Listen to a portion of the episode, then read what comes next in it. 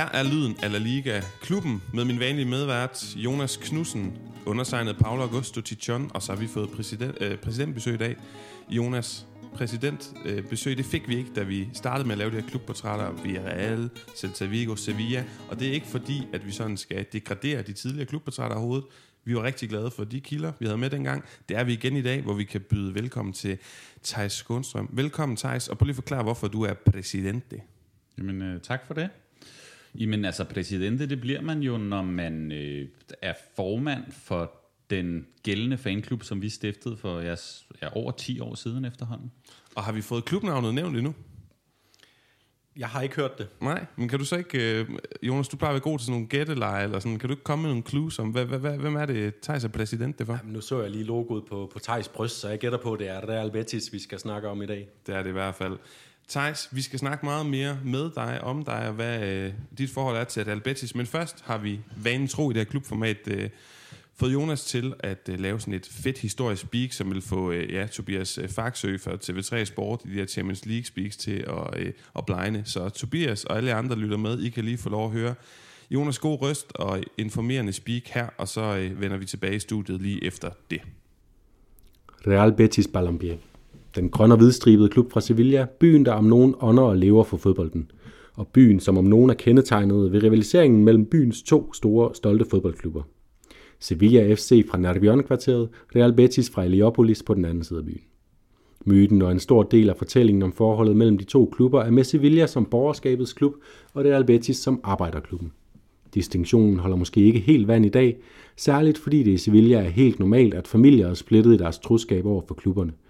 Men når man ser på historien, er der noget om rødderne til arbejderismen og venstrefløjen i Real Betis. Den første forløber til Betis blev stiftet i 1907 med navnet España Balompié – To år senere var der uenighed i ejerkredsen i Sevilla FC om, hvorvidt man kunne skrive kontrakt med en arbejderdreng fra Triana-kvarteret, et arbejderkvarter, som senere kom til at lægge navn til Real Betis andet hold i en periode. To ud af de fem direktører mente, man kunne, og de endte så med at trække sig ud og danne deres helt eget hold, Betis. I 1913 fandt España Balompié og Betis sammen, og med den fodboldgale kong Alfonso den 13. tildeling af royal titel i 1914 blev Real Betis Balompié, som vi kender det i dag, endegyldigt til. Som et resultat af Sevilla-ejernes idé om fodbold som et spil for borgerskabet, og som kontraideen fra skaberne af den ene del af Betis-klubberne.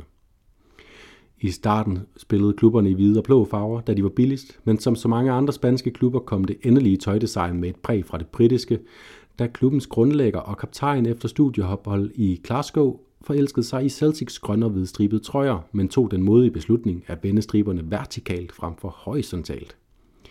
Senere, efter den spanske borgerkrig havde sat en effektiv stopper for Real Betis første opblomstring med det første og hidtil eneste mesterskab i 1935 på en base af baskiske spillere, kom klubbernes forskelligheder igen for en dag. For mens Betis under Franco-regimets første periode gik igennem den mørkeste periode i klubbens historie med nedrykning til både Segunda Division og Tercera Division og kun to sæsoner i det fineste selskab i perioden 1940-1958, fandt Sevilla-præsident Ramon Sanchez Pizjuan hurtigt ud af, hvordan man snodede sig under fascisternes brutale regime – Sevilla vandt den første Copa del Generalissimo efter Francos omdøbning af den spanske turnering, og da Sevilla sikrede sit første og til eneste mesterskab i 1946, lå Real Betis i Segunda Division og bøvlede som så ofte før med økonomien. Når Sevilla hentede Betis-spillere, kom det endda så vidt, at Radio Moscow erklærede det som endnu et gement træk fra kapitalismens og fascismens krofulde ansigt. Ramon Sanchez Pizjuan sørgede jo et behendigt for at omgå muligheden for at tildele sporvognsnettet i byen et stop for tæt på Betis hjemmebane, da han som bymæssén fik ansvar for at forbedre infrastrukturen i Flamingo-byen. Men nok om Ramon Sanchez Pizjuan, navnefader til Sevilla Stadion. Nu til Benito Villamarin, dito til Betis' Den galisiske olivenforretningsmand kom til som præsident i 1955, lige efter man var rykket op fra Tercera Division til Segunda Division – han satte orden på sagerne, fik klubben op i det fineste selskab, og i 1961 købte han Estadio Heliopolis, som altså senere skulle blive til Estadio Benito Villamarin, fri af bystyret, og i 1964 kulminerede hans indsats med en fornem tredjeplads i Primera Division. Han døde i 1966, men i løbet af 10 år havde han sikret sig en plads i solen som en af de vigtigste karakterer i klubbens historie, og måske grunden til, at vi i dag overhovedet kan tale om et ligeværdigt civiliansk fodboldmiljø og ikke en enklubsby. For Betis-fansene var statusen som Primera-klub dog ikke det vigtigste. Det var nemlig netop i de mørkeste år, klubbens identitet for alvor skabtes, og klubbens fans blev berømte og berygtede for deres såkaldte grønne marcher, hvor de tog i håbetal til udkampe selv i Tercera Division, og i øvrigt også troppede talrigt og trofast op til hjemmekampene på tredje hylde. Viva el Betis, manque pierda. Leo Betis, selvom de taber, blev sloganet. Hvis nogle af de spanske klubber kan tilskrive deres udvikling til spansk storklub til fansene, er det Real Betis. Selv efter Benito Villamarins flotte indsats gik der dog nogle år, inden det for alvor blev sjovt i Betis, som stadig op gennem 60'erne og 70'erne var lidt af et elevatorhold. I 1977 kom klubben tilbage på landkortet, og som i endnu et perfekt symbolsk stadfæstelse af de forskelle, man kan optegne mellem Sevilla og Betis, vandt Betis den første udgave af Copa del Rey efter Francos fald og kongens og demokratiets genkomst som et perfekt modsvar til Sevillas succes i den første udgave af Francos Copa del Generalissimo.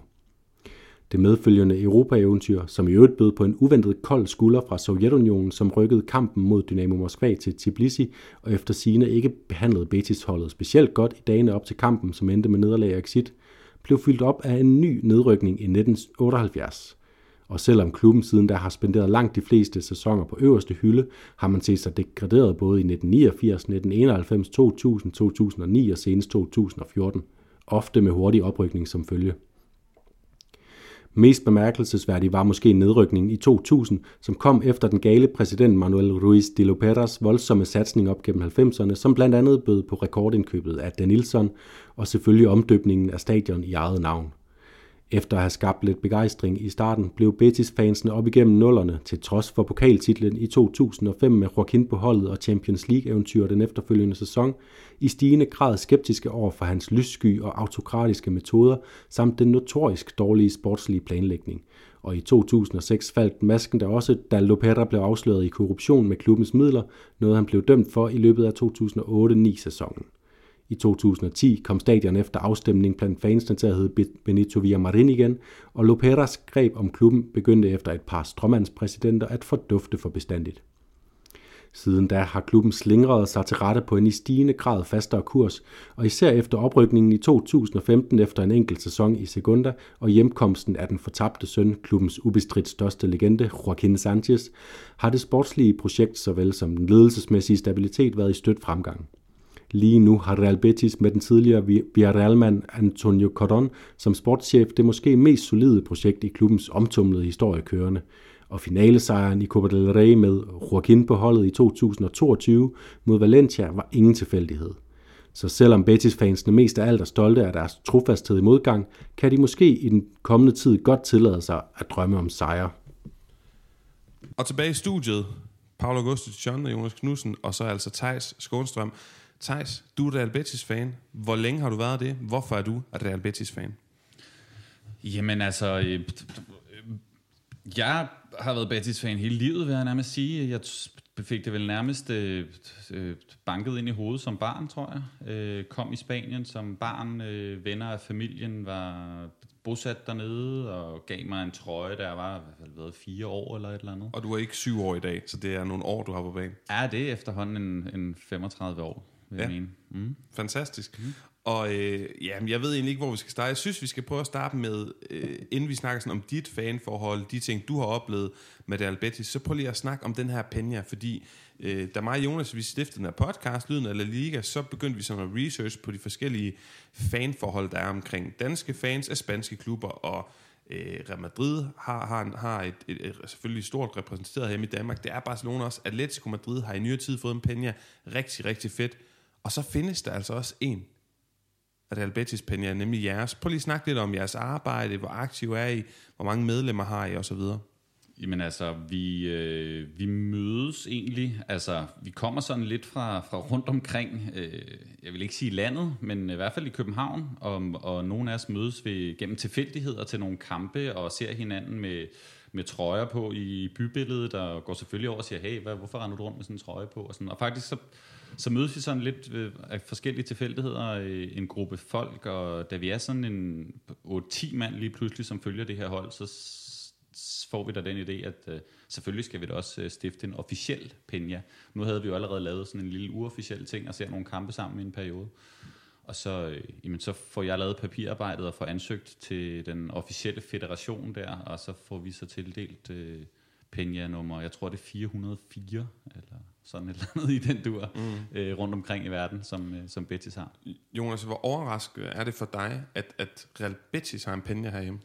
Jamen, øh, det, det er overraskende for mig på den måde, at øh, ligesom, øh, da jeg startede at følge, med at følge spansk fodbold øh, op igennem, øh, op igennem nullerne, så var Real Betis jo altid den her øh, øh, underpræsterende klub, for jeg undrer mig over, hvorfor har de sådan et stort stadion, men når jeg har lært Real Betis at kende gennem årene, og, og det her forhold, klubben har til dens fans, og hvor mange der er fans, på trods overrasker det mig ikke, at der har en, en tiltrækningskraft, der også går ud over øh, de spanske kræfter, øh, eller de, de spanske grænser, øh, men selvfølgelig overrasker det mig altid, øh, fordi det kan nogle gange godt føles lidt isoleret at være fan af spansk fodbold i, i Danmark, men øh, så er det altid dejligt at høre, at, at der er nogen, der, der er med derude, og især fans af de øh, i gåseøjne mindre klubber. Og det er jo nemlig det, at det, at det kan føles sådan lidt isoleret, så jeg er simpelthen så glad for i, i, i hvad kan man sige, i forbindelse med den her podcast, at mig og Jonas har, har fundet jer, har fundet jer først de par Celta Vigo-fans, der findes, mega fedt.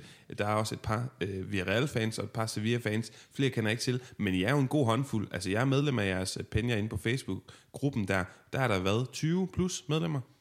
Øh, ja, det er der, der garanteret. Nu jeg er selv som præsident faktisk ikke et særlig godt eksempel i det, jeg ikke øh, deltager særlig aktivt lige derinde. Jeg har nogle andre funktioner, sådan lidt mere formelle aktiviteter og er lidt mere den gamle skole. Øh, men altså, vi har da øh, mønstret øh, mere end 20 nogle gange øh, og mødes til nogle arrangementer, øh, og øh, har vel haft øh, igennem tiden over 50 medlemmer.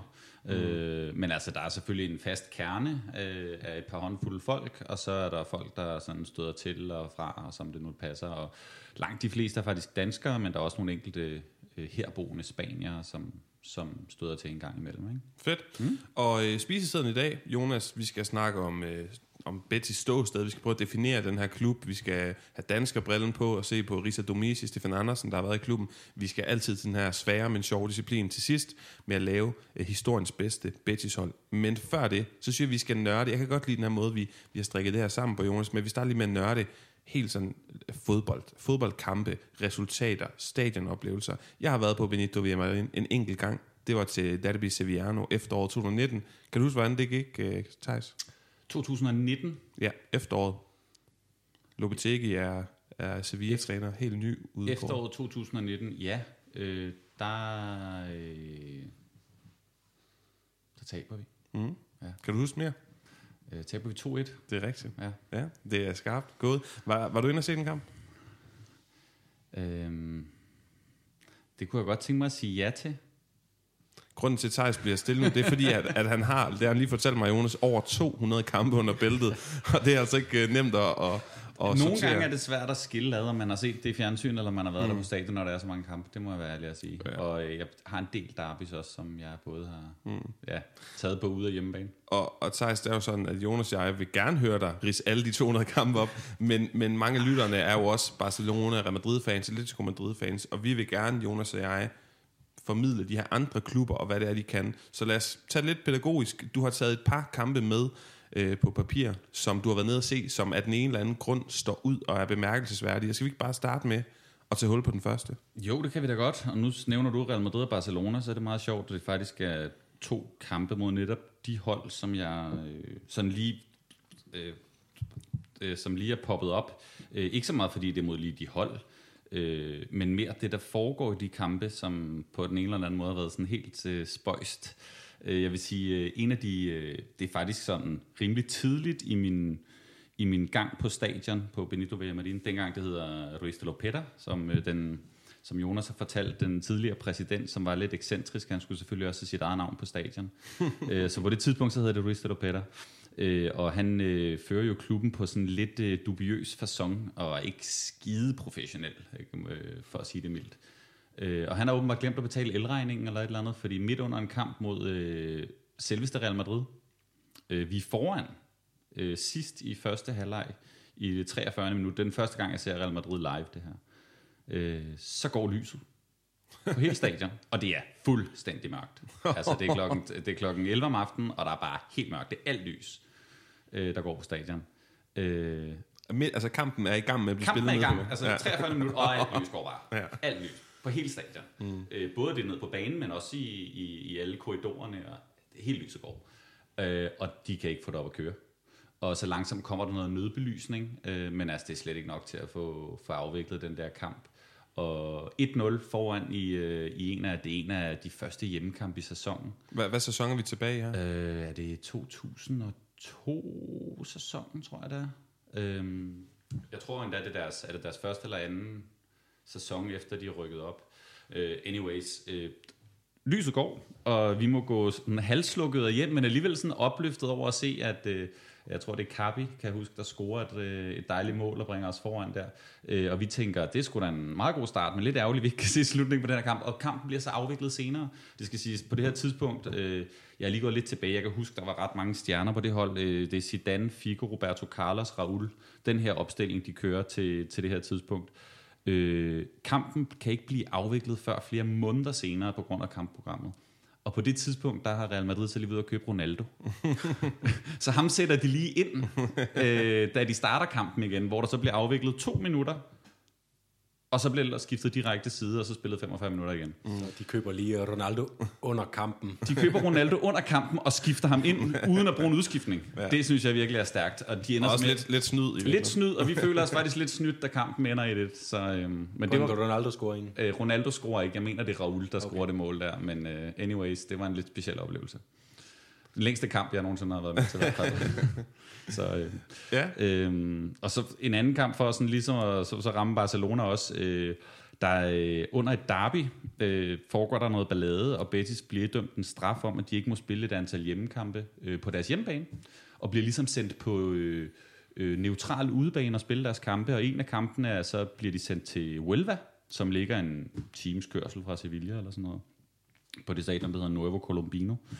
Øh, og jeg som årskortholder, så, øh, så bliver jeg tilbudt en, en billet der, så vi, øh, vi trækker nummer der til og, og kører øh, til Nuevo Colombino, og så sådan en, øh, jeg kan huske det som sådan en, øh, som sådan en forårs sommeraften, det er sådan, at, at jeg, kan, jeg kan faktisk ikke huske, om det er forår eller efterår, det må næsten være øh, forårssæson, og det er ret varmt dernede i Andalusien, og vi sidder øh, nærmest i, øh, vi sidder i shorts og t-shirts, og sådan en helt varm, øh, lækker sommeraften ud til vandet, øh, Huelva ligger ud til vandet, øh, og Betis bare kører Barcelona over. Øh, vinder 3-0, og, og, og, det der, og det der ude, den der udebane, der bare er blevet sådan en midlertidig hjemmebane, fordi der bare er 25.000 tilrejsende Betis-fans, der har taget den der tur, ikke?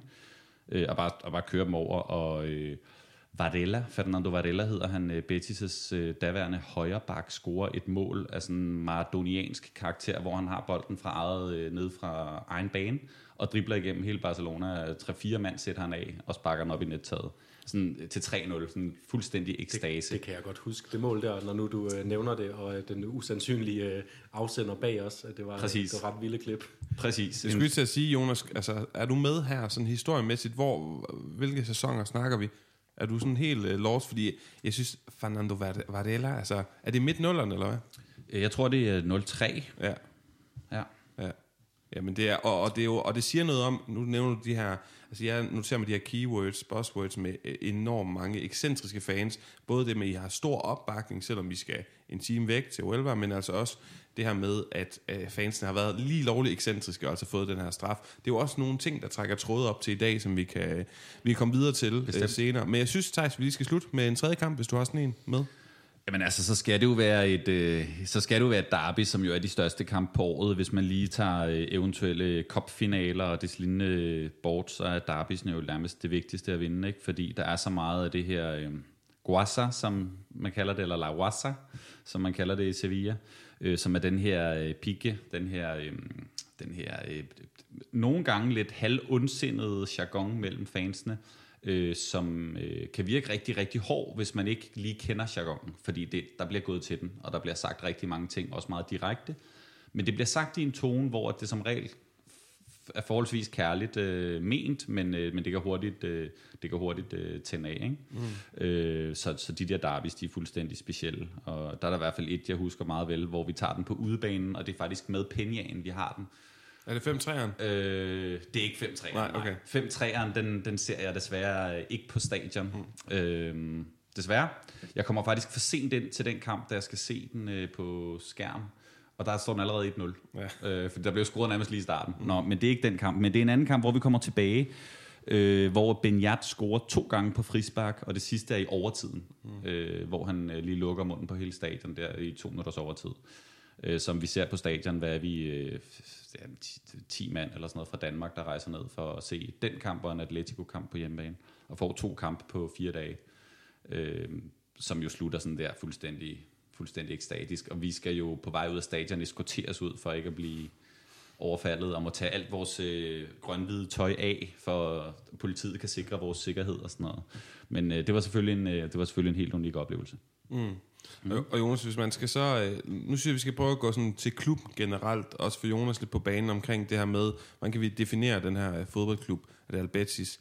Øh, der er mange tilrejsende fans, og, og der er mange spanske klubber, som jeg synes får det her prædikat af, at man kan definere dem med en stor, flot opbakning. Øh, de har jo ligesom bysbørn i Sevilla, flot stadion, flot hymne, stort øh, opbakning det synes jeg, jeg synes også godt, man kan definere Cardis for deres fans, for Valencia for deres fans, og vi kan sådan fortsætte lidt. Madrid har også nogle, nogle, nogle vilde fans, så hvis vi sådan skal et niveau længere ned, profundisat, mere i dybden med en definering af den her klub, Jonas. Du sidder med La Liga-brillen sådan helt overordnet og kigger ned på det Albetis. Hvad definerer dem? Hvad gør dem anderledes? Øh, jo, men så synes jeg egentlig godt, man kunne, kunne drage parallellen til, til Valencia, så, som er et sted, øh, jeg er kommet meget, og hvor jeg har været til mange kampe, øh, på Mestalla, hvor der har været 35.000 tilskuere ud af 55.000 mulige, fordi Valencia lå, øh, hvad der for Real Betis måske ville være en udmærket sæson, lå der i spændet mellem 6. og 10. pladsen og kæmpede for måske at komme i, i Europa League, men endte med at, at ende midt i tabellen, og derfor så var øh, tilslutningen bare sådan lidt, øh, lidt slukøret. Stemningen var som en fin nok, fordi de, de hardcore fans er der selvfølgelig, men det som kendetegner Real Betis, det er, øh, som jeg også sagde i, i min speak lidt, at det, det er jo ikke lige meget, hvordan det går. Jeg det tror jeg, du vil skrive under på, Thijs. Du, du håber mest af alt på, at Real Betis får stor succes osv., men det er ikke det, der afgør, om du kommer øh, tilbage til Stadio Benito Villamarin. Det er heller ikke, om de spiller i Primera Division eller Segunda Division.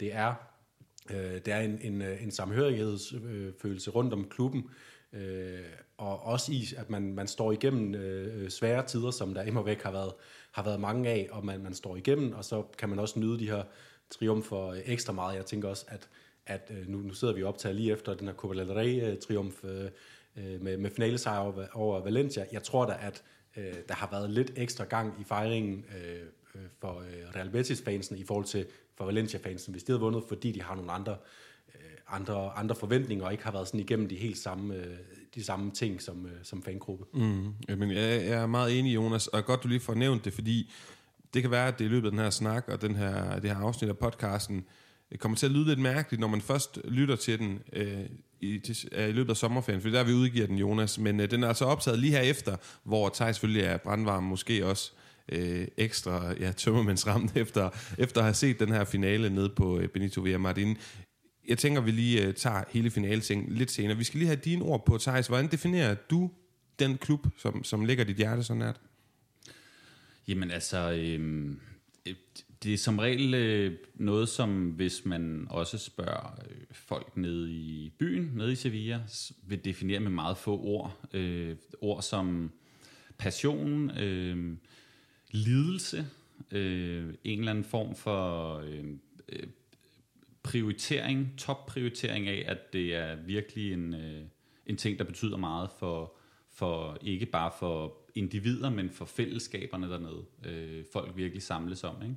Øh, det, er en, det er en meget, øh, det er en meget intens øh, øh, passion, der er for klubben dernede, mm. og man kan virkelig mærke det sådan helt ud på gaden. Det er fra bedstemødre til små børn med bolde. Ikke? Jeg skal sige, at, at da jeg besøgte klubben og det stadion, der er, mm, forud for det her Derby Sevillano, så kan jeg huske, at jeg snakkede med, er det Cayetajo, den hedder, der ja. hvor, hvor de, øh, fangrupperingerne er op til kampen. Ja. Og flere af de spanier, jeg snakkede med, øh, de fortæller, at, at Real Betis, og det kan igen lyde altså lige kliché alert, men jeg tror altså ikke, det er en kliché her. Jeg tror, den er god nok, at, at som du også siger, Thijs, Real Betis betyder lige det ekstra i deres liv, fordi der måske også er mange Betis-fans, der ikke har så, ja, kan du hjælpe mig på vej her, Thijs, så så godt et liv, forstår du, hvad jeg mener? Altså, der er mange, som også måske er fattige, kommer fra nogle lidt ressourcesvage familier, og så bliver Real Betis den her, det store lyspunkt i familien. Giver det mening? Bestemt, bestemt. Øh, man ser det jo også ude i, øh, i kan vi sige, i, i omegnen af Sevilla og helt ude i landsbyerne og længere ude i Andalusien, at øh, Betis er den suverænt øh,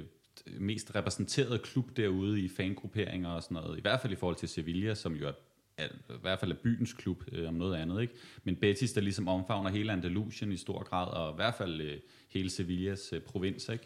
Øh, og folk derude i landsbyerne, som måske lever et lidt mere simpelt liv, og lidt mere, øh, øh, kan vi kalde det, uden at det skal lyde forkert, et, et trivielt liv med en dag-til-dag øh, liv i landsbyen, så bliver Betis bare det ugenlige eller højdepunkt på en eller anden måde. Ikke? Ja, det er også noget, der, øh, hvor vi måske lige kan inddrage lytterne i, at, at der er jo lidt den her, ligesom øh, vi kender det fra, fra Italien med det her nord-syd-forhold. Øh, det er ikke helt nord-syd-forhold i Spanien, man måske kan snakke om, men der er det her med, at Andalu- Andalusien er traditionelt en, en, en region, med, hvor folk har en lidt lavere indkomst, hvor der er lidt mere... Øh, hvad skal man sige, der, der er lidt mere, landbrug fylder meget, mm. og, og, og de sådan industrielle store opsving har ikke været lige så store som i, i Baskerlandet, Katalonien og Madrid-regionen.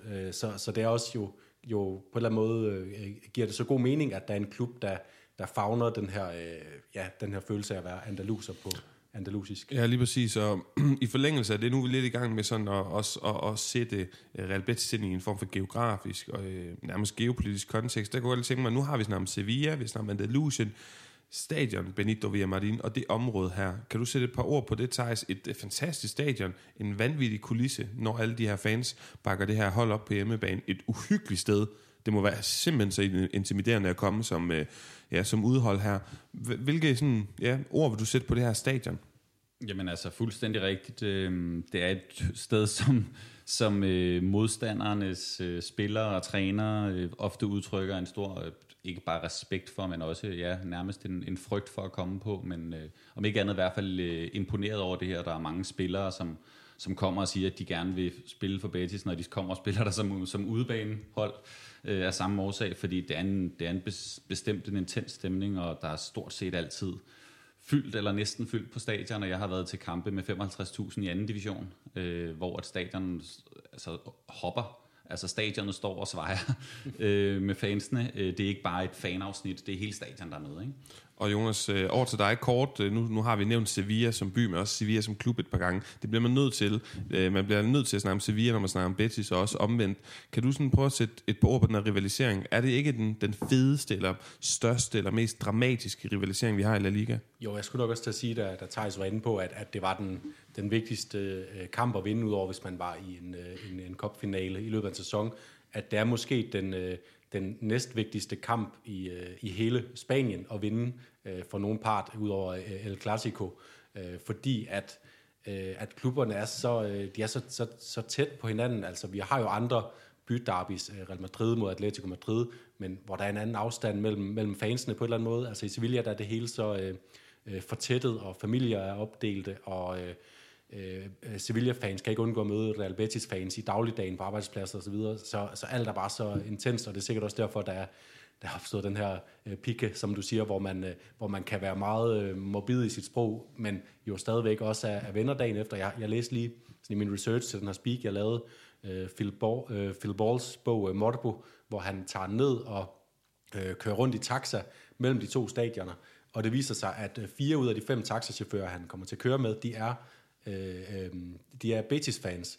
Øh, så, så altså den her opdeling, øh, som måske ikke er der så meget, den er der alligevel lidt, fordi det er ikke tilfældigt, at det er Betis-fans, der kører, kører taxierne, og det er, øh, det er bare en by, hvor man, man, øh, man møder den her passion, mm. øh, og måske især øh, gennem Real Betis. Og også som vi snakker om i familierne og sådan noget. Og så tilbage over til dig, Thijs, jeg godt tænke mig at binde den her rivalisering lidt op på, hvis nu jeg siger klubbens selvforståelse, mm. identitet, hvor er den henne? En subtopklub i Spanien, men dem har vi mange af. Faktisk sige, alle dem, vi har portrætteret indtil videre, Jonas, er subtopklubber, og der kommer flere.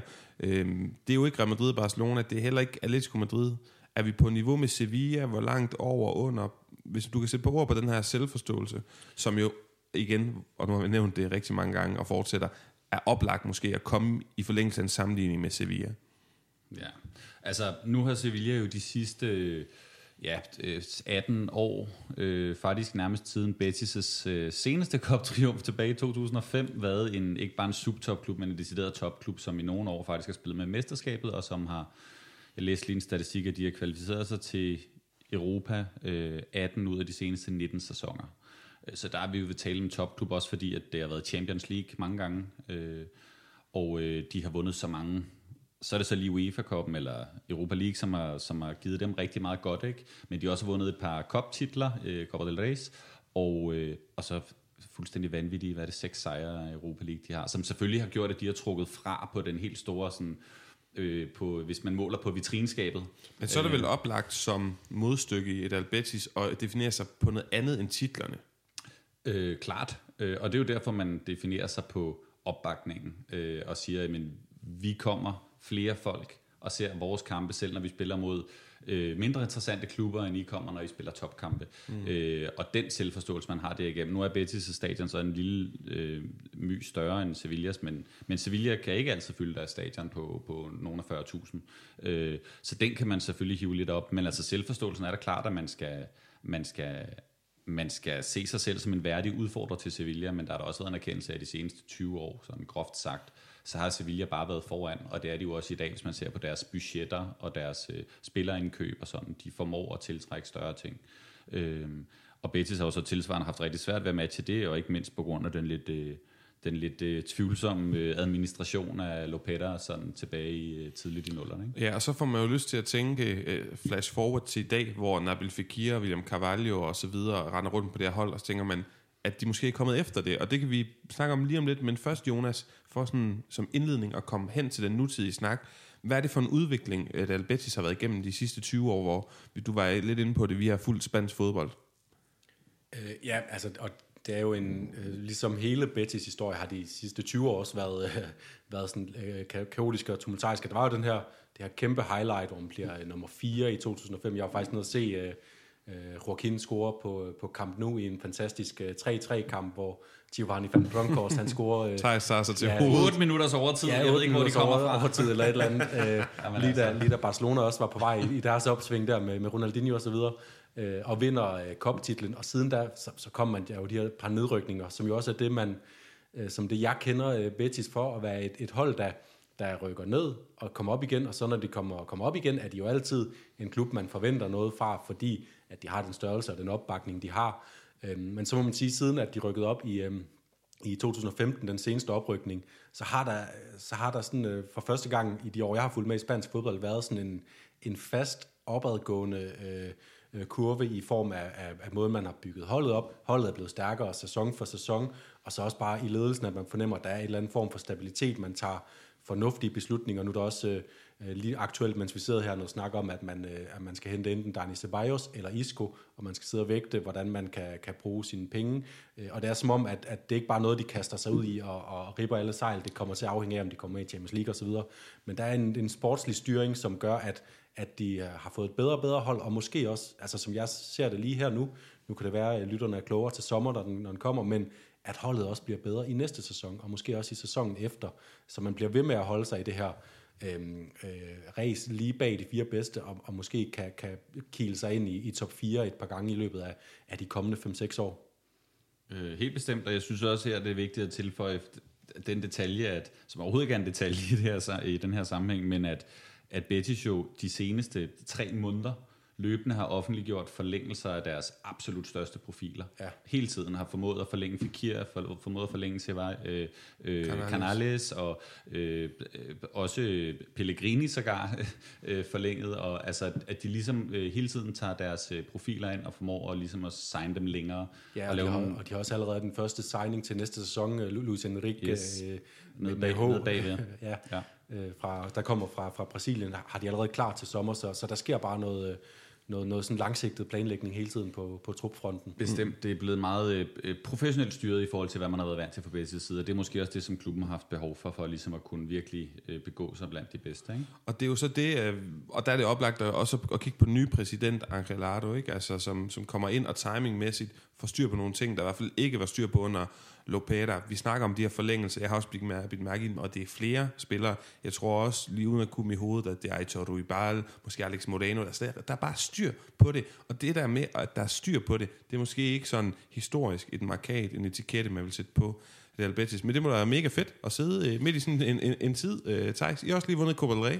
Ja, det er helt uvirkeligt. Altså, Copa del Rey er blevet meget virkeligt efterhånden, fordi det mærkede jeg meget tæt på. Jeg er lige kommet hjem fra Sevilla, men øhm, øh, det er lidt uvirkeligt, at der er så meget styr på klubben, og der er så meget ro omkring, at spillerne kan få lov til at spille, og hvis de ikke præsterer lige en kamp, så falder man ikke ned i et hul og rører ned i et hul i to måneder, men så rejser man sig bagefter. Ikke? Øh, der, det virker til, at der er en kontinuitet, der har været længe. Men lad os så prøve at tage den her snak. Jeg, jeg synes faktisk lige først, vi, vi kan simpelthen ikke bare lige name drop, at du har været nede og set den finale i samme by, som du spillede. Prøv lige at fortælle om den øh, oplevelse. Jamen altså, det var jo et must. Det var jo ligesom, øh, det blev jo, det blev jo nødt til. Jeg var faktisk også i Sevilla, da koppen i 05 blev spillet, og hvor jeg desværre heller ikke havde billetter til Vicente Calderon. Så det er anden gang, jeg får lov til at overvære en finale i Sevilla. Øh, en Betis kopfinale i Sevilla. Øhm, dengang gang blev kampen jo så spillet i Sevilla, hvilket var en stor forskel. Jeg havde, kunne desværre ikke øh, tilegne mig nogen af de 18.000 billetter, der var til, skulle fordeles til 55.000 øh, årskort, så, øh, så jeg måtte nøjes med at se kampen på hjemmebanen på Benito Villamarin, sammen med 40.000 andre. Og hvad var det for en, øh, det for en oplevelse? At, at det blev lige nervepirrende nok, synes jeg. Med de her straffespark, det havde de ikke behøvet, for jeg synes faktisk, at Betis de spiller til at kunne afgøre den kamp før. De har 3-4-100% chancer, som skal ind i anden halvleg og to stolpeskud, og den skal, den skal lukkes. Der er slet ikke nogen grund til, at det bliver så spændende til slut, øh, synes jeg. Men mm. jeg sidder selvfølgelig også dybt Men prøv lige at beskrive scenerne. Altså 40.000 mennesker, Benito Villamarin storskærm ja, nede og på det, og det, er jo, og det er jo kun, øh, det er jo kun øh, kan man sige, øh, desserten på en hel dag, hvor vi har været inde i byen, hvor jeg vil skyde på, at der har været 200.000 Betis-fans derinde, og give den gas hele dagen ind i byen. Både dem, der skulle på stadion, og dem, der skulle på det andet stadion, og dem, der skulle hjem og se, dem, der skulle hjem og se kampen. Mm. Så, øh, så det, var, det var noget særligt. Ja, det var noget helt særligt, øh, det tror jeg, det tror jeg godt på. Og noget, der måske også kan blive helt særligt, tænker jeg jo, er Real Betis sådan umiddelbar fremtid, det vi kunne kalde den nære fremtid. Du er også lidt inde på det, Jonas. Jeg synes, der bare med udgangspunkt i det her nye rygter om Dani Ceballos, øh, ja, helten var han jo på en eller anden måde dernede, som kom til Real Madrid, og det er bare stagneret. Han skal selvfølgelig tilbage. Det synes mig, Jonas, er helt sikkert med La Liga-brillerne. Vi vil gerne se ham øh, på græs lidt oftere, Isco og så videre. Hvad kan det ikke blive til? Vi kan jo starte med, Jonas, hvad kunne du godt tænke dig, der skete som med Real Betis-briller de næste par år? Hvad, hvad sidder du og håber på? Hvad vil du holde øje med på Betis vegne? Så vil vi høre Thijs bagefter. Jamen altså, jeg håber, jeg håber, at de kan holde fast i noget af, noget at stamme på det hold, fordi der er nogle virkelig gode ting, altså med øh, øh Rui Silva nede i målet, Mark Bartra, Alex Moreno, Bellerin, øh, skulle gerne øh, øh, blive hængende, og så øh, og den her midtbaneaks, og så at man kan, hvis man kan tilføje lidt, lidt trøst her der, jeg er måske lidt bange for, at øh, en, en Isco bliver lidt for meget øh, øh, øh, øh flødeskum i flødeskum med, øh, med Canales og Fekir allerede i truppen, men man må så forvente, at det måske betyder, at, at, at Fekir måske bliver, bliver solgt øh, desværre den her sommer, men at man så øh, har en erstatning, og der har man så med Isco eller øh, Ceballos, hvis man, hvis man sælger Fekir, så at man ligesom kan øh, som en bund ligesom holde sig på det niveau, man har nået nu, og man har arbejdet sig op på, og det tror jeg godt, man kan, fordi netop, at der er, øh, der er løsninger i, i, i pipeline hele tiden, virker det til, og man så måske en gang imellem kan hente øh, lidt ekstra ind, så man kan, man kan bide lidt ekstra op af. Og inden vi hopper over til dig, Thijs, hvad med sådan konkurrencedygtigheden? Vil, vil du selv, Jonas, sidde og holde øje med, at skal de, skal de være sådan i subtoppen? Er det koppen, ligesom de har haft succes med nu,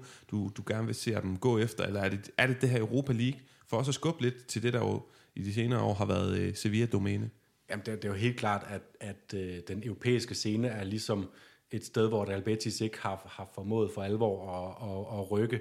Øh, nu røg de også ud til, til Frankfurt i den her sæson. Det var jeg, det var jeg øh, selv sådan lidt skuffet over, men nu så vi så også efterfølgende, at Frankfurt øh, kunne lidt mere, end, øh, end, end vi lige troede herhjemme. Um, men, men selvfølgelig, de, altså, øh, de har vundet de her to Copa del Rey titler øh, de sidste, øh, ja, det må så være øh, 16, 16 års tid. Øh, jeg synes, Betis er en klub, der sådan, det, det ligger på en eller anden måde deres DNA, de skal ud og jagte nogle af de her øh, lidt, det er jo ikke en sensation, men jagte nogle af de her øh, kæmpe store oplevelser for deres fans, altså at vinde en Europa League-titel. Og sådan, i La Liga-øjemed, så vil, så vil jeg altid være tilfreds med at se Real Betis ligge og kæmpe med fra, om de der pladser fra 7. til, til 5. pladsen, som jeg sagde, og så måske byde op en øh, enkelt gang, gang men sådan som vi så Sevilla for, for 10 år siden måske. Men jeg har da også tænkt, Jonas, og jeg tror også, vi snakker om det i podcasten i løbet af efteråret, den her indeværende sæson, der Betis, øh, finalen hvis vi, både Copa del Rey, altså Europa League, skulle ligge i Sevilla. gå der efter det. Og, og jeg tror også, på, på den baggrund var vi skuffet, men også fordi nu har de fået kvaliteten og, og succestræneren til at kunne gøre det. Hvad siger du, Thijs? Hvad, hvad skal de næste par år helst byde? Jeg ved godt, du gerne vil vinde Champions League øh, på Benito Villamarin, men, men sådan, med, sådan en blanding af realisme og håb. Jamen altså, jamen jeg synes da selv, at, at forventningerne til Betis altid er, både for mit vedkommende, men også for fansets vedkommende et eller andet sted, er realistiske, fordi man ser jo også, at Betis år efter år går i øh, Europa League, øh, øh, i hvert fald har øh, Europa League oplevelser, sådan øh, med, med jævne mellemrum, ikke? Øh, men har så bare de her udfald, hvor de så har haft, så lige pludselig så ryger de i anden division øh, sæsonen efter, eller et eller andet, ikke? Øh, og der er det her, hvor den her stabilitet den seneste tid ligesom har givet tro på, at okay, man kan godt komme i Europa League år efter år, og så netop en gang imellem, som, som du siger, øh, byde ind til Champions League og sige, så i år skal vi måske prøve at se, om det er den, vi kan komme ind på, ikke? Øh, og så er det da klart, så er det da sjovt, hvis man krydder det med en kopsejr eller en Europa League sejr i ny og næ. Øh, og jeg tror da også, at alle Betis fans havde håbet på, at vi kunne gå hele vejen til Europa League, da vi så, hvem der egentlig var tilbage. Mm. Øh, og at man så bliver, øh, ja, ikke får straffesparkskonkurrencen i, var det igen i, i overtiden, at, øh, at øh, overtiden er ekstra tiden, at, øh, at vi bliver slået ud ikke? Mm. Øh, mod et hold, og så senere slår Barcelona ud på Camp Nou. Øh, det, er jo, det er jo, hvad der sker i en kop kan man sige. Det er det. Men de her, vi skal til at, et fast element, vi har med i de her klubportrætter, Danskerbrillen, det er, det er ikke sådan en super flot navn, vi har valgt til Jonas, det går, vi skal omdygge det til næste gang. Men pointen er, hvilke danskere har været forbi klubben og spille? Det har Risa Domisi, det har Stefan Andersen. Vi kan starte over ved Jonas. Sådan helt kort, når jeg nævner de to navne, og du ser dem trække øh, i den grønne og hvide Real Betis trøje. Hvad, hvad, hvad husker du? Uh, jamen altså, Stefan Andersen fik jo et, et lidt skidt, skidt og, og uheldigt forløb, altså, og han var måske også øh, landet på en, en lige lidt for høj hylde øh, i forhold til, hvad hans evne rakte til, og så var det så, at, at øh, Real Betis købte Antonio Adan øh, i den samme sæson, som øh, Andersen øh, kommer ind, og, øh, og så har han en øh, hjemmekamp mod, jeg mener du mod Real Madrid, hvor han lukker fem mål ind, øh, Stefan Andersen, og af en eller anden årsag, så var det ham, der fik skylden, måske fordi han var en... Øh, en sådan lidt ukendt dansker, der stod der mellem stængerne, og Betis-fansene vidste godt, der var en, øh, en, øh, en, en spændende spansk målmand på vej ind, og så, og så så man jo ikke mere, mere til ham, så, så det, var, det, var et, øh, det var ikke sådan et specielt øh, øh, godt forløb for, for Stefan Andersen. Ja, så kan vi jo hoppe over til Thijs og se, om han er fuldstændig vanvittigt uenig i det. Jeg kan vel næppe være vanvittigt uenig i, at man, at man definerer det som et lidt uheldigt forløb, når man kun har en, en sæson og, og opnår hvad. Jeg ved ikke, om man når at stå øh, 10 kampe eller sådan noget for klubben officielt. Øh, så nej, selvfølgelig ikke en kæmpe succes. Han blev egentlig hentet ind som første målmand i den sæson, sammen med en, på det tidspunkt også en ukendt, øh, og sikkert også for mange andre, ukendt argentinsk ung målmand, som så kommer ind som anden målmand, fordi man sælger øh, sin første målmand året før. Øh, og øh, han blev indkøbt som klar førstevalg, og for os øh, i præsæsonen spilletid som førstevalg. Øhm, og der har han en kæmpe sæbehandske i, i, en af, i en af, de, øh, en af, en af optagskampene til ligaen, som faktisk gør, at han nærmest bliver bænket. Øh, og at man faktisk sætter Giel Sarra ind, og, og, og står faktisk også i, i nogle ligakampe, indtil man så midtvejs i sæsonen beslutter at købe endnu en målmand, fordi man sikkert ikke finder, øh, finder Andersens... Øh, niveau tilfredsstillende, eller hvad man har kunnet. Men øh, jeg ved, at han blev indkøbt blandt andet på grund af, at han er god med fødderne, og det er han også, det må jeg sige. Og den type opspil, de spillede på den måde, ville man rigtig gerne have en målmand, der kunne spille op og lægge bold ud på fløjene. Og, og der fungerede han fint, men han havde så nogle udfald øh, øh, keepermæssigt, som, som bare ligger uheldigt, tror jeg. Og, mm. så, og som målmand, så er det jo øjeblikke, hvor du skal præstere, og hvis man fejler der, så kan man jo hurtigt komme i, i fryseren. Ja, og, is- og især når man er i gang med, med sin første sæson, øh, så, så er det bare noget, der sætter sig ekstra meget på, på en målmand, og så, så er det sådan noget, man som klub øh, går ud og reagerer på, også når de har, når de har købt to målmænd ind på samme tid, hvor de måske ikke er helt sikre på, på nogle af dem i virkeligheden, og, og så får en mulighed med, med Ardan, som også viser at være en rimelig god, god beslutning. Altså både Stefan Andersen og så Risa Domisi, vi skal, til at, vi skal til at snakke om lige om lidt, er jo to spillere, som jeg ihærdigt har prøvet at få fat i, fordi at vi så gerne vil øh, snakke med dem, interviewe dem her i podcasten. Ingen af dem har desværre øh, meldt tilbage, men vi håber, men det er jo noget med, at øh, I, Thijs, har haft en lille smule kontakt med dem i Penjan, ikke? Øh, det er rigtigt. Øh, altså, da Stefan Andersen han er jo den første dansker, der nogensinde kommer til klubben. Øhm, og øh, jeg, øh, vi tager selvfølgelig ud, øh, sådan nogle repræsentanter, ikke mig selv. Øh, jeg bliver faktisk, øh, på det tidspunkt der er lidt i kontakt med klubben, og bliver faktisk lykkeønsket for klubben om, at vi øh, som Penja nu har fået vores første danske repræsentant i, øh, i klubben. Øhm, så øh, vi er nogen, der tager ud, eller der er nogen fra Penjaen, der tager ud og overrækker Stefan en, øh, en trøje, en polo, faktisk den jeg har på her med vores, øh, med vores logo på, øh, til Stefan Andersen under en landsholdstræning øh, ude på Frederiksberg, som han modtager, som vi har nogle billeder fra hængende i, i vores klublokale. Mm. Og mm. hvad, med, hvad med Risa, hvis vi skal over til ham? Øhm, jamen, ham får vi også indleveret noget merchandise til, fordi vi, vi møder en af hans bekendte øh, til en kamp, øh, og får så senere sendt billeder fra ham om, at Risa Domisi har modtaget vores øh, officielle Peña halsterklæde, som han sidder med øh, og har taget et billede med. Og, øh. og det har helt sikkert været fedt for jer. Også okay, fint for ham, men øh, han har jo for alvor, altså nogle perioder i klubben, hvor at det virkelig er lovende, ikke? Han scorer i en i Gran Derby, altså mod Sevilla, en, en spiller, der havde uhyggeligt potentiale. Og jeg, jeg må bare være ærlig at sige, at når jeg tænker tilbage på, på når jeg kigger på Risa Domisi, også hvor han er i dag, hvor han har været siden, så irriterer det mig grænseløst, at han ikke blev den klub, fordi det så virkelig spændende ud. Der var selvfølgelig også en vis Junior 4 på, der er banket på, eget akademi, der er nogle øh, omstændigheder der, der, der, ja, der forhindrer ham i at få succes, men det, jeg synes også, den ligger lidt over hos ham selv, Risa Domisi. Hvordan, øh, hvordan husker du ham, Thijs? Altså, fuldstændig enig i analysen. Øh, jeg er ærgerlig over, at han ikke har noget tålmodighed og noget, og noget stamina til ligesom at sige, at jeg bliver ved her i klubben. Han er lidt uheldig at have nogle skader på nogle forkerte tidspunkter, og så kommer der en ung fyr ind, som du siger, Junior Firpo fra filialen, der bare smadrer ligaen og bare bliver det næste nye øh, store. Øh, så det er jo svært for ham lige at, at komme tilbage på den, men Firbo er afsted året efter. Og var han blevet i klubben, så er jeg sikker på, at han kunne have spillet sig til en stamplads igen. Og han skulle nok også have fået kampe, øh, fordi så kommer de i Europa, og så er der alligevel mange kampe, så skal der roteres. Og så skal du nok få kampe, og i sådan en klub, og fansene var egentlig okay glade for ham, og han får scoret mål i to gange derby. Og altså, uh, what's not to like, uh, spiller uh, fodbold under Kike Setien på det tidspunkt, en af de mest lovende uh, trænere i La Liga. Uh, så jeg forstår ikke det skift heller, øh, men jeg sidder selvfølgelig også på den side og tænker, at det kunne være sjovt at have en dansker i klubben. Mm. Øh, og bare lige for at få lukket Stefan Andersen, der er der i 13-14 sæsonen, og så altså Risa Domisi, der er der fra 2016 til 18. Jonas, hvad for nogle minder har du om Risa?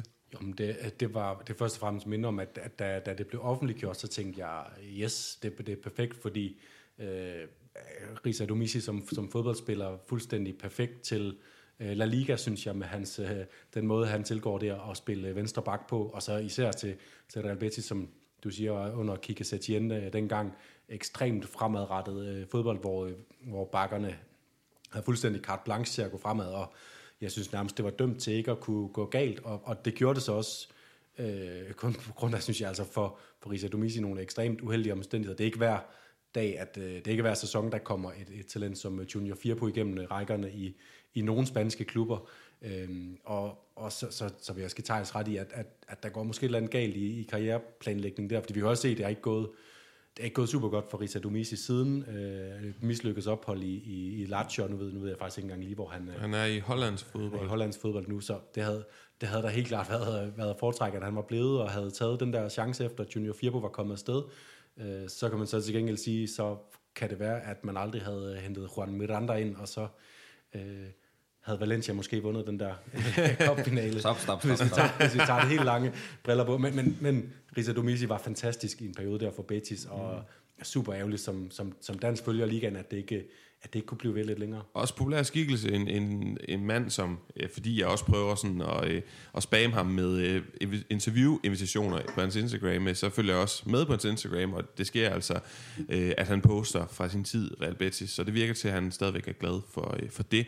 Apropos de to herrer, så skal vi have sat nu et ja, tidernes bedste Real Betis hold historisk, og spørgsmålet er, hvis vi bare starter i målet, om Stefan Andersen er den bedste Real Betis keeper i historien. Hvad siger du der, Jonas? Øh, det tør jeg godt sige, at han ikke er. øh, men jeg vil lige sådan indledningsvis sige, at, at det har faktisk været den, den sværeste opstilling for mig at vælge her, fordi at, øh, øh at, at der har været så meget, øh, som, som jeg snakker om, ustabilitet i den sådan, sportslige øh, planlægning, så der er også virkelig mange af de spillere, jeg har lyst til at putte på, der har faktisk har været i klubben i en ret kort periode.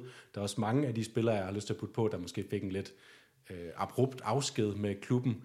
Øh, så så øh, det kan sagtens være, øh, Øh, Thijs. Jeg kommer til at, at sige nogle navne, jeg har noteret ned, som du slet ikke tænker. Fordi jeg har, jeg har også svært ved at gennemskue, hvem der egentlig fra sådan de sidste 20-30 år egentlig sådan, øh, ligger, ligger Betis fans hjertet nært. Men altså, øh, jeg, jeg har noteret mig en Antonio, Antonio Adan som et bud på en, en, en målmand på holdet i hvert fald. Jamen altså, øh, uden tvivl er Tony Andana er der en kæmpe figur på, på målmandsposten. Han, jeg tror, han har fem eller seks sæsoner, hvor han bare er fast målmand. Øh, og også i Europa med, med holdet, og bare stabil, og jeg tror i den periode er han faktisk også ind over det spanske landshold, så, så helt skidt har han jo ikke gjort det der. Så helt klart, han er da en, han er da en stor øh, keeperskikkelse, og øh, han kunne også godt have fundet vej til min øh, elver. øh, nu er det bare en anden, der har gjort det, og det, øh, det er der flere grunde til. Men hvis jeg lige må begrunde, hvor, øh, på hvilket kriterie jeg har sat min elver, ja, selvfølgelig. Øh, det er faktisk, øh, at øh, det skal være spillere, som øh, har afsluttet ophold i klubben, øh, for at man ligesom kan sætte dem ind i et historisk perspektiv. Okay. Øh, Øh, og så et andet kriterie, det er, at der skal have været noget stabilitet, fordi der netop har været mange store, spændende, interessante spillere, som som har været inde over klubben, men som så måske kun har været der i en kort periode, og derfor så bliver deres ophold i Betis ikke lige det mest sigende for deres karriere. Men mm. det her, det er altså spillere, jeg har valgt, hvor deres Betis-ophold har været store i deres karriere. Så kan de godt have været i andre klubber også, øh, men, men det skal ligesom have været en del af deres, øh, øh altså en, en, en, grund, en ryggrad i deres, øh, deres karriere. Så Esnaola på mål? Selvfølgelig. Mm. Et, bord, et bord på ham?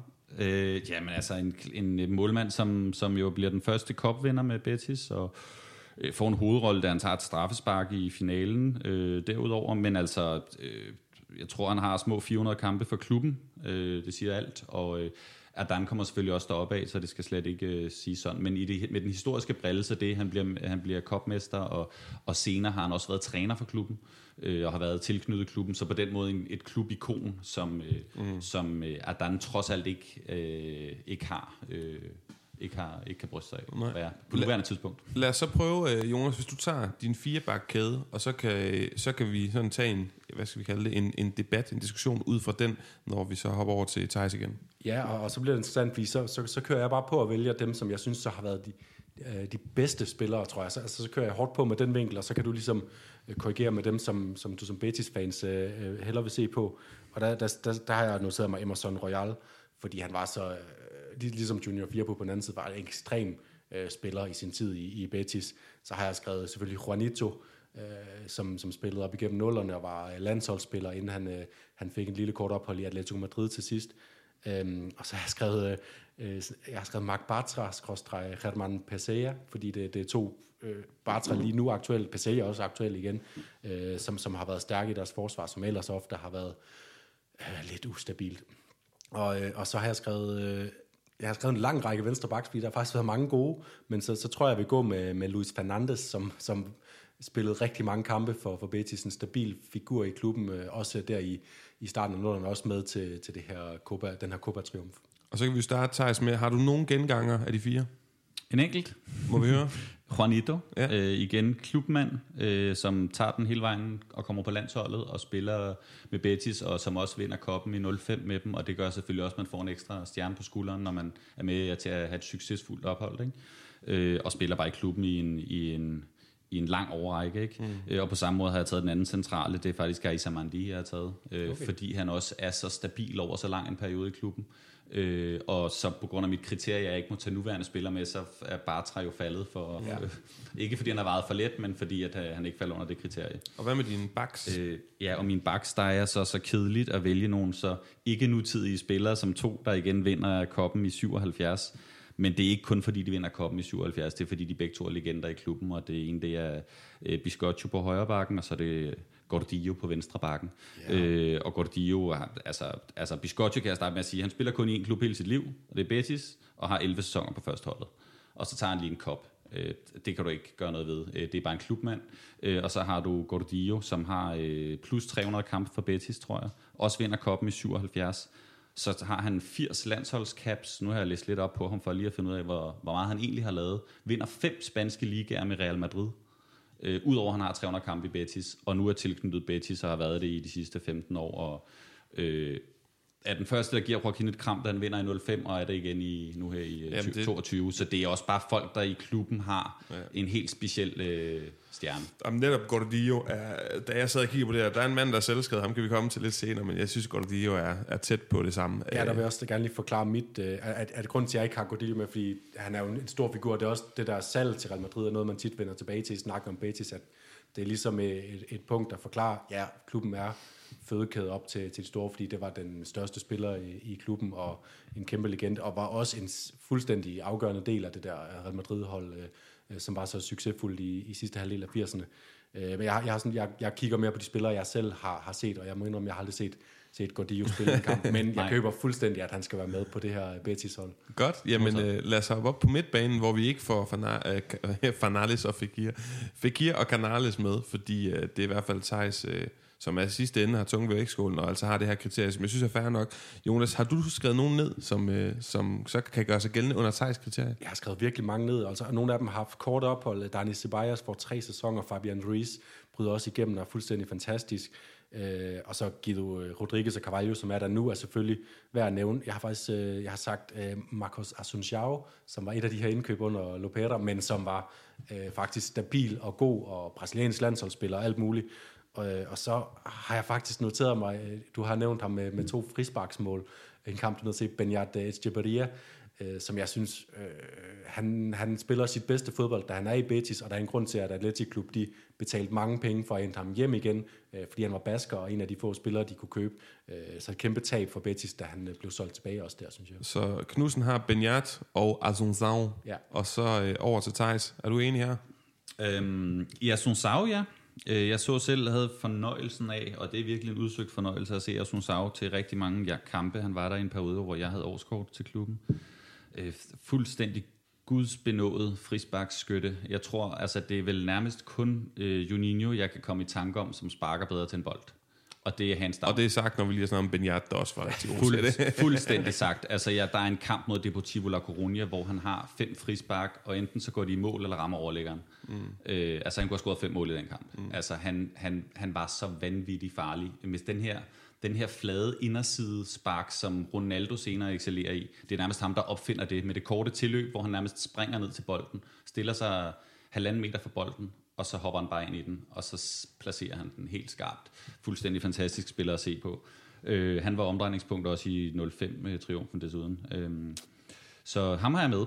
Øh, og så det her kriterie med ligesom at tage nogle historiske spillere ind. Der bliver snakket rigtig meget i Betis stadigvæk om en p- spiller som øh, Robert Jarni, som også bliver brugt sådan lidt mere defensivt. Ja, fordi han også- spiller jo blandt andet højre bakke i Real Madrid i en blandt periode. andet bak, lige præcis. Ja, og jeg havde faktisk også noteret ham som en mulighed på, på min venstre bak, Ja. fordi det er lidt svært at finde ud af, hvor han egentlig hørte til. Lige præcis, men han er så offensivt drevet, så jeg havde været så fræk faktisk at sætte ham på, på midtbanen ja. som en øh, fløjspiller, Så- fordi han pandede altså indlæg ind i hovedet på diverse angribere. Så Asunsao, Jarni, og hvem mere på midten? Jamen, så er der jo en anden legende, som man også skal have med, som også er i det lidt historiske og det lange perspektiv, en Luis de Sol, øh, som også kommer op hele vejen fra, fra øh, Betis' øh, små rækker og så op, og som har også har flere hundrede kampe for klubben, og øh, så ud over at spille i Betis, så også lige øh, bliver mester i Italien med Juventus og mester med Real Madrid, som jo også, altså så, så er det en spiller, som også går videre og tager det et skridt op og et niveau op i forhold til, hvad han kunne i Betis, mm. men som er så tilpas lang tid i klubben, at han, at han er en legende. Så ved jeg ikke, er det en tremands midtbane, du kører? Eller er Nej, fordi at jeg har jo gjort en undtagelse Ja. øh, til mit ellers øh, benhårde kriterie. Jeg tænkte, øh, Og det er jo, at jeg har jo, øh, jeg har jo selvfølgelig, øh, jeg har jo føl- selvfølgelig sat øh, El Pisha på, på midten. Ja. Øhm, selvfølgelig er det øh, Joaquinito. Han skal selvfølgelig derind. Og men jeg kan sige, jeg kan jo undskylde med mit kriterie ved at sige, men det er bare, øh, det er bare dæk over hans første periode i klubben, ja. øh, inden han tager væk. Fordi allerede der har han gjort merit til ligesom at, at komme på det historiske hold, synes jeg, de første fem sæsoner, han har i klubben, er, er nok til det. Og at den så er kommet tilbage og har taget seks mere, det er jo bare, det er jo bare luksus. Og, og det er også lidt, øh, faktisk lidt kim til et lille spørgsmål, jeg gerne vil have her, øh, fordi øh, Rokin stjerne vokser vel også nærmest lidt i Betis, mens han er væk, øh, fordi han, han bliver sådan en kæmpe succes øh, på landsholdet og i, i andre klubber. Luis del Sol, også ude, siger du, Rafael Gordillo, og kommer også til Real Madrid og bliver en stor succes. Er det også noget, man godt kan arbejde med som, som Real Betis-fan, at øh, ens egne helte, kan, man kan godt indse, at nogle gange må de ligesom tage skridtet videre, og så kan de stadigvæk godt ligesom bygge videre på deres stjerne hjemme i, i Real Betis. Uden tvivl, det er da også noget, man under de her spillere i erkendelse af, at man måske ikke lige kommer til at vinde en, øh, en Champions League-titel lige om hjørnet, eller en Liga lige om hjørnet. Så er det da fedt, at de her spillere kan komme ud, og så komme i tilfælde, og som i Joaquins tilfælde, og som også er tilfældet i, i, øh, i Gordillos tilfælde, og jeg tror også, det er tilfældet faktisk i Luis Del Sols tilfælde, at de kommer tilbage og afslutter deres karriere i klubben. Øh, og faktisk også formår at bære nogenlunde succesfulde de perioder. Det er ikke bare, at de kommer tilbage lige viser flad en halv sæson, men kommer tilbage i nogle gode år og har nogle gode år til slut også i klubben. Øh, altså den her, øh, den her berømte øh, cirkel, der ligesom ender, øh, det synes jeg er noget, som er smukt og som, og som klæder fodbolden, og som jeg også tror, Betis fansen er stolte af. Og Joaquin, der med afstand er den spiller i, i uh, Betis historie, der har optrådt flest gange for klubben, mest assisterende spiller, så mange mål scorer jo ikke den mest scorende, Ruben Castro. Er han på det her uh, hold? Ja. Ja. Han, er også, øh, han står også øverst på min liste af angriber. Jeg, jeg skal lige nå at flette ind. Jeg havde faktisk lavet en sådan 4-2-3-1 opstilling, og der havde jeg Joaquin, Fekir, Canales på min, mine tre øh, forreste midtbanepladser der. Jonas, jeg kan sige, det havde jeg også gjort. Ja. øh, og, og, og hvis jeg så lige skal komme med et, et, nogle yderligere bud på, hvem der kunne være min angriber, så har jeg noteret sådan en som øh, Alfonso Perez, som er i klubben i en periode, øh, Finidi George, som bliver et stort køb fra, fra Ajax i, i 90'erne, øh, og så Ricardo Oliveira, som også er, som kommer i... Øh, i midt-nullerne. Jeg mener, er han med til, til Copa-triumfen? Øh, ja. Han scorer. Og, ja, og han scorer mange mål for, for Real Betis, og en spiller, jeg altid... Øh, øh, jeg har ofte startet med Real Betis i Football Manager, fordi der, der er mulighed for ligesom at løfte en stor klub op til deres øh, rette plads, og der var Ricardo Oliveira altid en, en, en hjørnesten for mig. Øh, også bare en dejlig angriber, brasiliansk, og også har landskamp og så videre. Øh, så det er måske Ruben Castro og Ricardo Oliveira, jeg vil hæfte mig ved øh, som bud på angriber. Thijs? Jamen altså, det er der to gode bud, og jeg har også selv valgt Alfonso, øh, og igen så har jeg lidt brugt det her kriterie med ligesom den, øh, både hvad jeg selv oplever, men også, man bliver jo farvet af, hvad alle dine øh, medbetikos, de ligesom øh, føler og kommer med input, og man kan bare mærke, at Alfonso har også en kæmpe stjerne i klubben. Øh, Øhm, og så er der så mange fede features lige omkring Alfonso. Der er nogle detaljer. Altså, han er jo manden øh, om nogen, der indfører hvide fodboldstøvler. Øh, det bliver kæmpe, efter han tager dem på øh, og spiller med dem. Men han er jo også en spiller, der igen, han kommer vist både til Barcelona og Real Madrid. Ja. Øh, og øh, spiller også på det spanske landshold. Og igen, en, en spiller, der har succes på andet end bare Betis' klub. Og har et stadion opkaldt efter sig ja, i, i La Liga. Og, og det er jo den der detalje, jeg vil ind på. Jeg tror, altså, hvor vildt er det, han formår at spille for Betis på et stadion, hvor modstanderen har opkaldt stadion efter ham. det er arrogant. Ja. ja, det siger noget om, hvor stor en, en Øhm, skikkelse han er. Ja. Men øh, skal vi have opsummeret det her hold? Jeg har sådan lidt lost track, så jeg synes egentlig, Thijs, du skal prøve at opsummere det, og så, øh, ja, så lad os lige høre, om ikke vi, vi nåede at blive enige til sidst. Øhm, Det var Esnaola på mål. Esnaola på mål, og så har jeg en øh, fire, øh, fire bagerste med øh, Gordillo og Biscotto fra 77-sæsonen, og Aisa Mandi og Juanito som, øh, som centrale. Øh, en midtbane bestående af Luis Del Sol, Robert Jani, Asunsao, Joaquin. Og øh, op front har jeg Alfonso, og så all-time greatest goal scorer, Ruben Castro, mm. øh, med 136 mål, tror jeg, han har officielt for klubben. Ja, det lyder meget rigtigt. Sådan lige op mit hoved, synes jeg, jeg har læst 146, så det er Det er også sikkert. muligt. Ja, det i, der er nogen, der er i, øh, smuttet i, der. I de luftlag. Ja. Hvis ikke der er flere øh, kommentarer på den, så kunne jeg godt tænke mig lige at vende til allersidst, sådan lige her og nu Real Betis. Men vi skal også have lagt den her historiske startopstilling ned, hvis der er nogen af jer to, der har en sidste pointe omkring den. Jeg bare notere, jeg havde med lidt god vilje, så, var, så havde jeg seks af spillerne øh, noteret, og det er kun fedt, at, at du kommer ind med nogle, øh, med, 77'ere. nogle, af de, øh, med nogle helt gamle spillere, Luis Del Sol, øh, helt, øh, helt Er det gamle, 50'erne, eller hvor, hvor langt er han tilbage? Øh, nej, det er 60'erne, ikke? Ja. Øh, det er 60'erne. Øh, han, øh, ja. Mm. ja. Ja. Godt. Øh, Så det, det, det er fedt at få de der helt øh, gamle historier. Det, det er jo ikke så tit, altså øh, fodboldromantik i, i sådan en dansk kontekst, øh, det, det er tit mere øh, i retning af engelsk fodbold, at man kan huske de sådan helt gamle spillere, så, så det er virkelig fedt at få den der vinkel på, på, på en spansk øh, klub som, som Real Betis. Godt, de her. Vi er ved at være nået til vejs ende. Jeg kunne egentlig bare godt tænke mig en sidste kommentar fra jer hver omkring lige her. Nu optager vi i slutningen af april. Den her udsendelse kommer ud en gang i løbet af sommeren. Men hvor ser vi Real Betis de næste par, ja lad os bare sige næste sæson. De har lige vundet Copa del Rey. Vi ved at med al sandsynlighed skal virkelig gå meget galt, før de ikke øh, kommer i Europa League kommende sæson, fordi de har fået billetten. Og øh, ja, de ligger også til det i, øh, hvad hedder det, La Classification i, øh, i ligastilling. Lad os antage, at de desværre ikke når op i top 4 i den her sæson. Kommende sæson, hvordan kommer det til at gå? Vi kan starte med dig, Jonas. Jamen, jeg tror, de kommer til at ligge i det samme lag, og så, øh, og så forhåbentlig øh, øh, har de lidt mere held i sprøjten, når, når det kommer, øh, for de kommer også med frem til, til, til, til finalekampene i, øh, Europa League, øh, og, og så håber jeg bare, at de kan tage den erfaring, øh, de har, de har fået med, og den stabilitet, de har med, Manuel Pellegrini på, på bænken, og så komme lige skridtet længere, og måske få sig en, øh, en oplevelse, hvor man kommer øh, til semifinalen og får en, en stor modstander, øh, og enten kan gå videre til en finale og få en helt stor oplevelse.